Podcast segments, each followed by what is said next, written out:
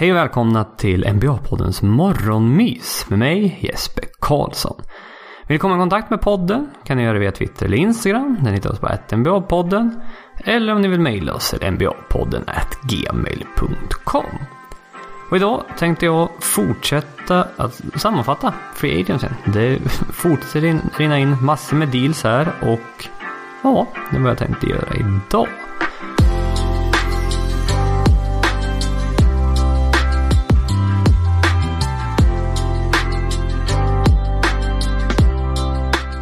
Vi kan börja med någonting som hände i natt, nämligen att Mark Gasol går till Lakers.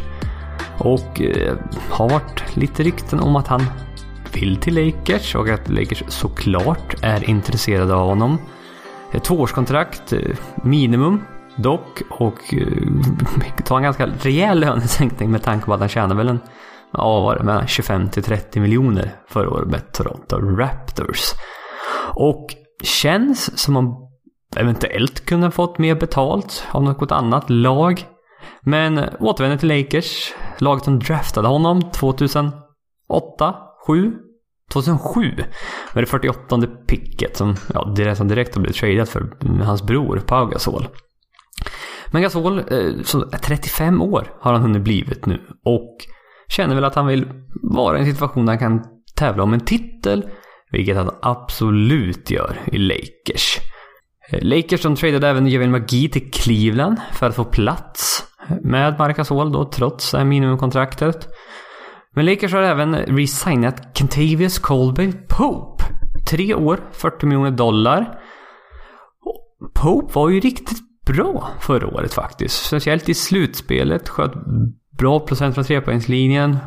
Var ganska effektiv överlag.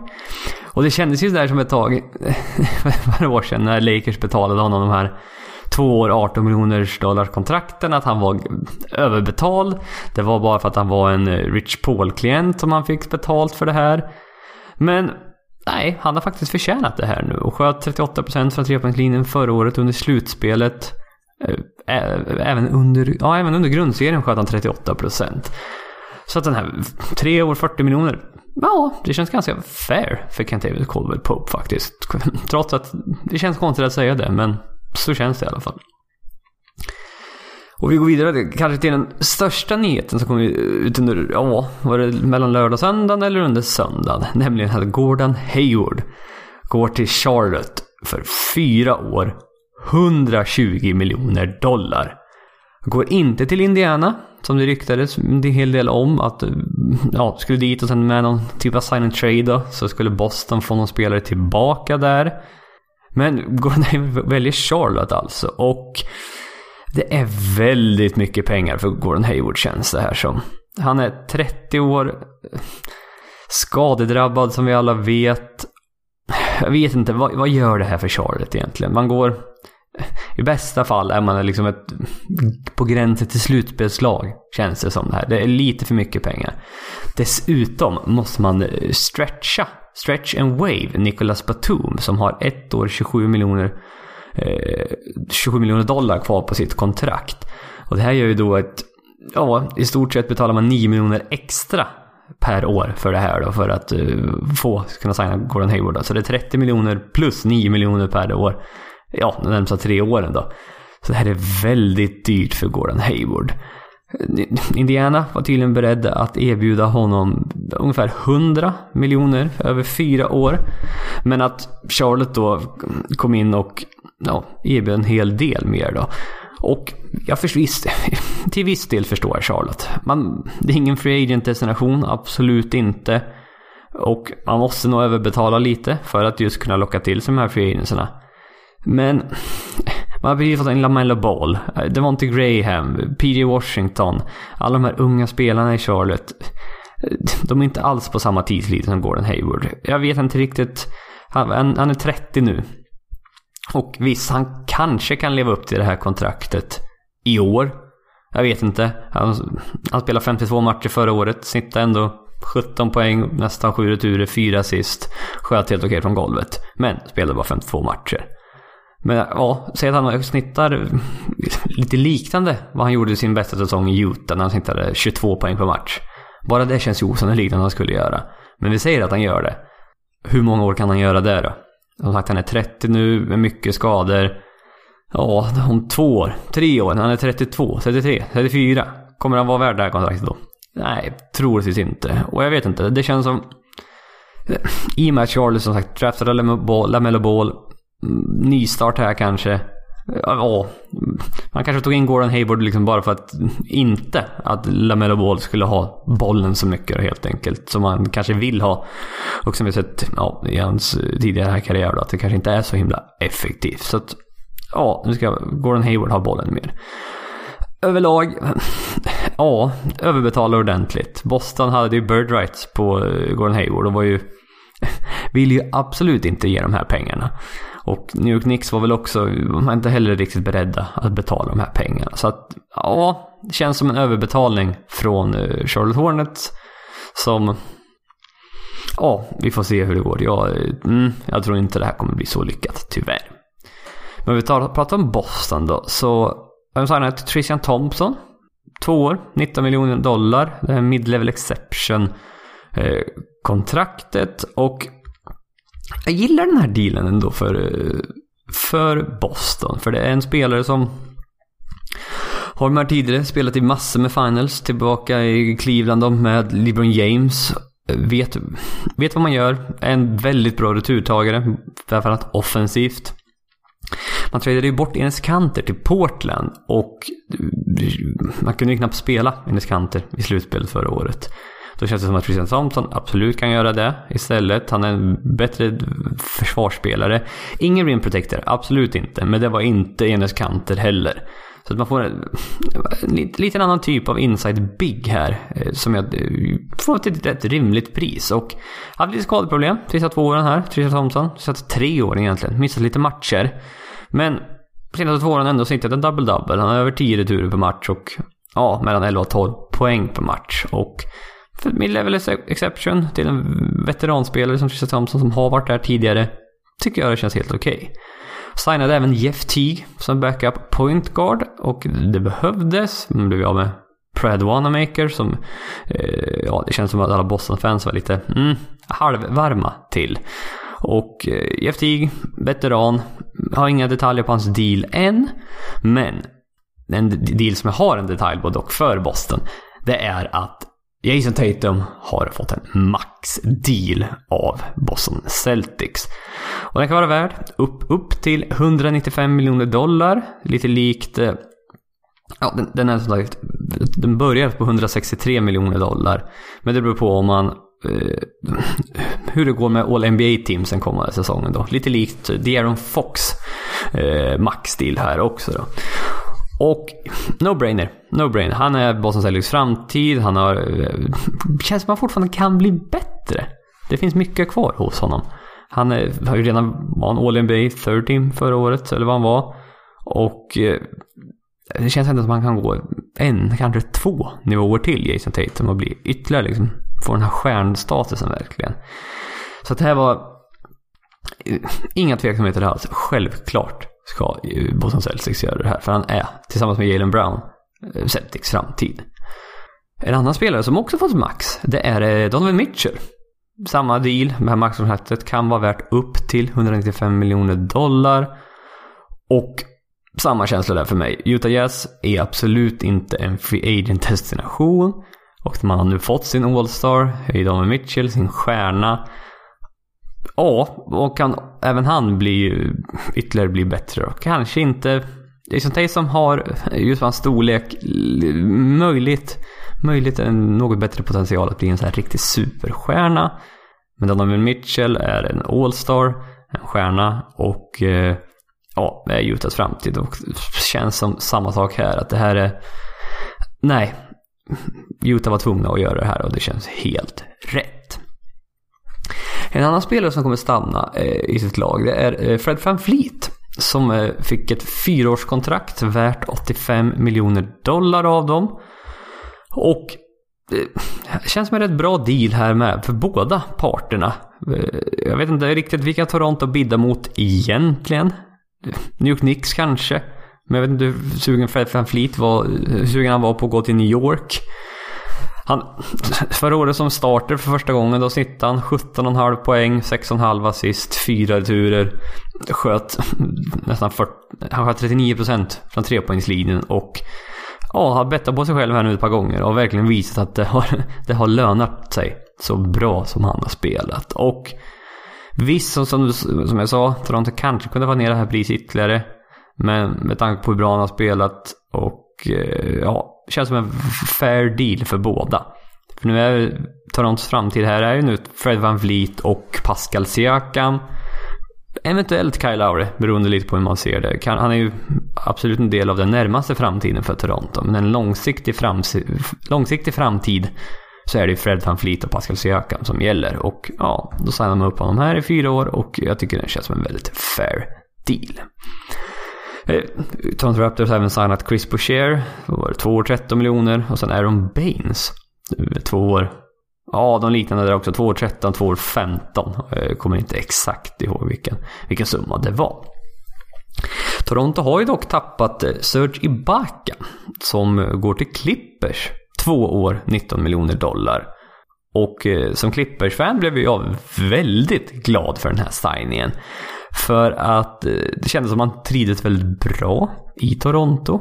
Och eh, här, här kanske man förstår då varför man släppte Montrezl Harrell. För ja, i stort sett samma summa då till Los Angeles Lakers. Han fick väl också två år, 19 miljoner där, mid-level exception.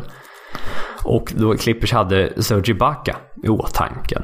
Och är det för att han vill till Los Angeles och Hollywood för Eh, åh, oh, vad heter hans... Eh, åh, oh, han har en YouTube-kanal där han äter massa konstig mat med massa NBA-stjärnor. Uh, eh, are, are you hungry enough? Ah, jag kommer inte ihåg. Jag ber om ursäkt Sergio Bacca. Titta på den. den är ganska rolig. Speciellt när Kawhi Leonard är med. Det, ja, den är ganska spännande faktiskt. Men Serge Bacca då.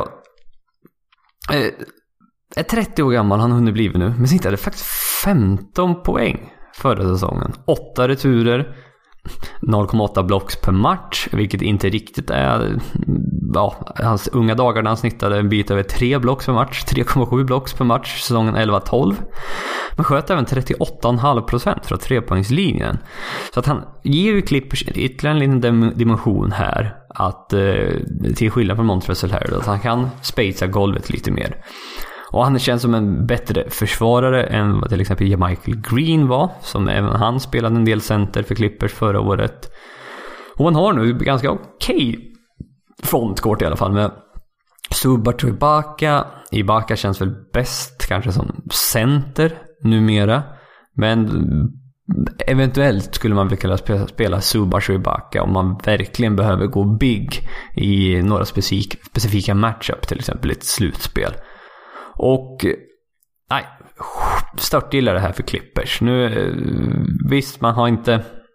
Det är egentligen bara han och Marcus Morris än så länge. Ja, Luke Kennard har man ju fått in då istället för Landry Shamet. Skulle behöva någon, ytterligare någon ballhandler in i det här laget. För att det känns som för att riktigt komplettera ja, de svagheter som ändå fanns förra året. Får se vad som händer med Lou Williams som inte gjorde någon jättebra i slutspelet förra året. Det mm, kommer troligtvis inte hända någonting. Och nu börjar ju free marknaden tunna ur lite här. Så att, eh, ja, det här var nog kanske det som vi ser får ske för, eh, för Los Angeles Clippers. Nu fuckade mitt... Oj, vad hände här? Nu slutade mitt Word-dokument fungera helt här. Ja, ja, jag får väl hoppas att jag kommer ihåg. Oj, oj, jag ser ingenting här nu längre. Ja, men herregud. Eh, Atlanta Hawks har eh, signat Bogdan Bogdanovic till ett offensivt värt, eh, värt 72 miljoner dollar över fyra år. Och det här betyder ju då att antingen kommer Bogdanovic gå till Atlanta för just det här kontraktet. Eller så kommer Sacramento Kings matcha kontraktet och han kommer gå tillbaka till Sacramento då. Och tänker du efter det här för Sacramento varför skulle man inte matcha den här dealen? Det finns ingen anledning. Man, ja, det är då att man har lovat honom någonting. Ja, jag vet inte. För att uppenbarligen var man okej okay med att eh, skilja sig från honom då. Att han skulle gå till Milwaukee Bucks. Det var helt okej. Okay. Men nu när den möjligheten inte finns. Släppa honom som är... Ja, jag vet, det, det får man inte göra. Det, Ja, behåll honom ett år. Trade honom vid trade deadline i så fall då. Eller nästa sommar. För att eh, just med, med tanke på att det var Atlanta Hawks som eh, gjorde det här offersheetet då. Får man inte trada honom till Atlanta under det första året. Och eh, så att man, man får vänta ett år helt enkelt med det. Ah, stökig situation det här med, med Bogdanovic alltså. Det, jag, jag, jag förstår ju Atlanta. Han är inte så ung längre. Han är ändå 28 Bogdanovic, det tror man inte. Men att eh, de satsar ju verkligen på att gå till slutspel i år. Vilket de har visat med ett par ytterligare på signings. De är Rayon Rondo som har signat till 2 år 15 miljoner dollar. Eh, och även Chris Dunn 2 år 10 miljoner dollar. Rondo som var riktigt bra, framförallt riktigt bra i slutspelet förra året. Han sköt väl en 40% från, slut, från trepoängslinjen under slutspelet jämfört med 32% under grundsäsongen. Och eh, ja, jag ska väl agera backup point guard framförallt till eh, Trey Young. Eller eventuellt om man vill spela dem lite mer ihop så att Trey Young inte behöver hantera bollen lika mycket. Utan att då man kan låta Rondo eh, hantera den lite mer. Lite likt, ja, kanske man försöker med Golden State Warriors. Att, eh, ja, Curry ska inte hantera all boll där. Chris Dunn, som sagt signar man även, jag vet, kanske den sämsta skytten i NBA. Eh, som på, i alla fall på point positionen Han har haft det riktigt tufft. Eh, sköt 25% från trepoängslinjen förra året. Och ja, eh, är väl en bra försvarare. Han är, han är väl 6-3 med ett wingspan på 6-9. Så han har all potential i världen att bli en, vara en riktigt bra försvarsspelare. Men ja, jag vet inte riktigt vart... Hur man ska finna alla rollspelare i, i Atlanta. Man, eh, ja, man kör på helt enkelt. Man behöver förstärkning. Och eh, det har man absolut fått i, eh, i, i Atlanta då. Carmelo Anthony signar minimumkontrakt med Portland Trail Blazers. Det är kul att se honom tillbaka. Jag har inte så mycket mer analys än så. Han kan nog få lite minuter som stretch four stundtals trots att de har förstärkt med eh, Derek Jones Jr, Jonas Kanter och även Robert Covington i Portland. Jake Crowder, tre år. Med, tre år, 10, 30 miljoner totalt och 10 miljoner per år med eh, Phoenix Suns. Eh, gjorde det rätt bra förra året för eh, Miami. Han sköt Sköt han? Stämmer det där? Jaha, ja, han sköt 45, 44,5% från trepoängslinjen under grundsäsongen. Eh, med Miami, men jag ska även titta eh, vad han sköt. Eh, ja, 34, mm, 34% från trepoängslinjen under slutspelet. Och eh, ja, en, en forward som kan försvara ja, alla, nej, både small forward och power forward positionen trots att han bara är 6-6. Eh, kanske inte kan försvara de här allra bästa power forwardsen, alltså ja, Anthony Davis och kompa. Vem kan det i och för sig? Men eh, Versatile heter det, inte på svenska. Det heter mångsidig på svenska. Eh, mångsidig försvarare framförallt som eh, ja, ytterligare en eh, 3D-guy i Phoenix. Och eh, känns som han har varit på, spelat i väldigt många lag. Han han, han har bara spelat, ja det blir hans sjunde lag det här då i Phoenix. Och eh, ja, why not? Eh, de behöver all hjälp de kan få i Phoenix. Avery Bradley signade ett eh, tvåårskontrakt med eh, Miami Heat värt, ja, hur, hur ofta hur ofta ett Word-dokument? Hur ofta går det bara Ja, det är helt... Jag vet inte vad som har hänt. Det bara text överallt. Jag bara blandar om bokstäverna. Så jag kommer inte riktigt ihåg vad han... Två år, tio miljoner dollar. Kan det vara det? Eh, med, eh, med Miami. Ska se här så att jag inte ljuger för någon. Jag tror att det nämligen att det var det. Och vi ska se här. Avery Bradley. Två år, 11,5 miljoner dollar. Ja, inte riktigt rätt. Bradley såg ju helt okej okay ut för Lakers ändå förra året. Det var... Jag var tveksam till den signen, att man gav honom så mycket pengar. Uppenbarligen nu så... Eh, han hade väl en player option som blev en unrestricted free agent. Och han kände att han kunde få betalt. Och ja, uppenbarligen fick han även det. Och jag trodde att han inte skulle, att han inte skulle vara hel. Men ja, var ganska hel förra året. Och eh, är en fort, fortsatt bra försvarare, kan handla bollen lite grann kanske. Eh, egentligen inte. Sköt ändå 36% från trepoängslinjen förra året med Lakers. Spelade 49 matcher totalt. Han optade väl ut från bubblan tror jag. Och eh, ja, nu hade ju Lakers uppenbarligen titeln ändå. Men Avery Bradley hade absolut kunnat vara nyttig för dem. Speciellt att vakta. Eh, point guard är han väldigt nyttig för. Ja, det var det. Som sagt, jag tror... Jag har säkert missat någon bara för att jag... Eh, ja, vad nu som har hänt med mitt Word-dokument. Jag vet inte. Men... Eh, ja, det var det jag hade att säga idag i alla fall. Som sagt, vill ni komma i kontakt med oss? Twitter eller Instagram, att NBA-podden. Eller via mail, nba-podden, gmail.com. Jag får tacka för att ni... Jag får tacka för att ni... Herregud, nu är vi trötta. Nej, det är vi inte alls. Men det är lite tid på morgonen än så länge. Tack för att ni har lyssnat. Tills nästa gång får ni det bra. Tack. Hej.